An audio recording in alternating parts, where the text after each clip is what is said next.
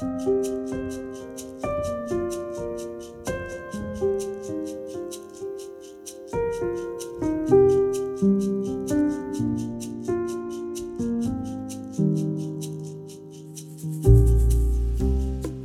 mener jeg da, søsken? Jo, når dere kommer sammen, har én en salme, en annen ord til lærdom, en har en åpenbaring, en har tungetale, en annen har tydningen, men la alt tjene til å bygge opp. 1. Korinterbrev, kapittel 14. Ordene fra Paulus til en gruppe av de aller første kristne setter ord på en virkelighet som de fleste har erfart når de har deltatt i et kristent fellesskap en tid. Som søsken i troen er vi forskjellige, og vi kommuniserer vår tro på ulike måter. Det er vanlig å knytte dette til eh, nådegaver, talenter og utrustninger. Vi aner samtidig at bak situasjonen i Korint var denne forskjelligheten en kilde til spenning.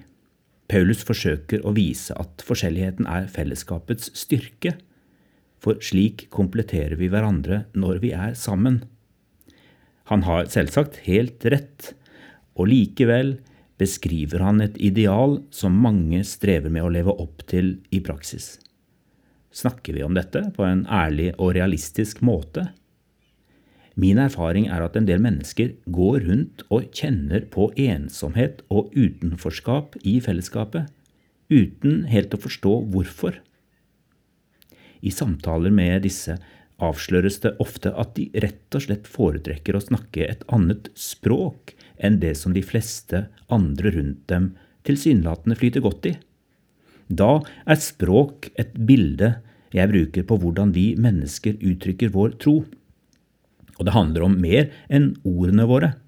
Det er et uttrykk for måten vi kommuniserer med Gud på, både gjennom ord og handlinger kommuniserer vi best med Gud ute i naturen, når vi hengir oss i lovsang, når vi leser i Bibelen, når vi lytter til en preken, tar imot nattvær eller oppleves det sterkest gjennom ordløs stillhet? Skjer det hovedsakelig når vi er i direkte berøring med andre mennesker, eller når vi er alene? Begynner vi først å systematisere menneskers kommunikasjon med Gud på denne måten, kan vi finne utallige språk og dialekter den tverrkirkelige organisasjonen Naturlig menighetsutvikling har de siste årene begynt å tilby kurs i menigheter for å hjelpe mennesker til å finne sitt foretrukne trosspråk. Deres arbeid bygger på undersøkelser blant troende over hele verden. Forfatteren Gary Thomas beskrev dette på sin måte i den moderne klassikeren Sacred Pathways, Nine Ways to Connect with God, som kom ut første gang i 1996. Her tar han utgangspunkt i det dobbelte kjærlighetsbudet om at vi er kalt til å elske Gud og vår neste som oss selv. Men så lister han opp ni ulike måter å elske Gud på, og mener at mennesker ofte vil ha en preferanse for én eller flere av disse. Naturelskeren kjenner seg aldri nærmere Gud enn når hun er ute i naturen og tar Guds skaperverk inn med alle sanser. Hun er i slekt med sanseren, som mer generelt trenger å se, ta eller kjenne på noe i det fysiske rommet for å være nær Gud. Tradisjonsbæreren er en stolt beskytter av det som har stått seg over tid. Hennes fokus er å huske og ta vare på. Asketen har behov for å være alene for å kommunisere godt med Gud. Aktivisten kjenner seg mest levende i sin gudstro når han står midt i kampen for en god sak. Og så er det den omsorgsfulle, som erfarer Gud i møte med den andre, og særlig den han får lov til å tjene og bry seg om. Entusiasten er den som oppsøker muligheter til å feire Gud og livet. Den kontemplative søker innover og vil ofte bruke følelsene som et naturlig verktøy for sin kontakt med Gud.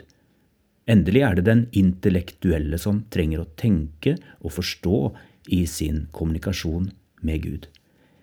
De fleste av oss snakker mer enn ett trosspråk, og poenget mitt er ikke å plassere oss i lukkede båser. Det kan også være grunn til å advare mot uhemmet individualisering og privatisering av troen. Samtidig kan det å sette navn på ulike måter å praktisere og kommunisere tro på, utvide rommet vårt, gi flere av oss en opplevelse av å bli tatt på alvor i sitt trosuttrykk.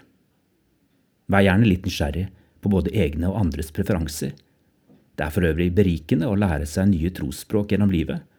Har du funnet det som er ditt foretrukne morsmål, skal du hegne om det på en særlig måte og sørge for å gi det rikelig rom.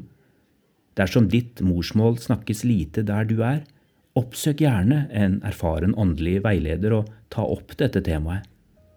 Noen ganger finnes det mennesker du kan kobles til i den større familien av kristne brødre og søstre, uten å gi avkall på fellesskapet du allerede er en del av.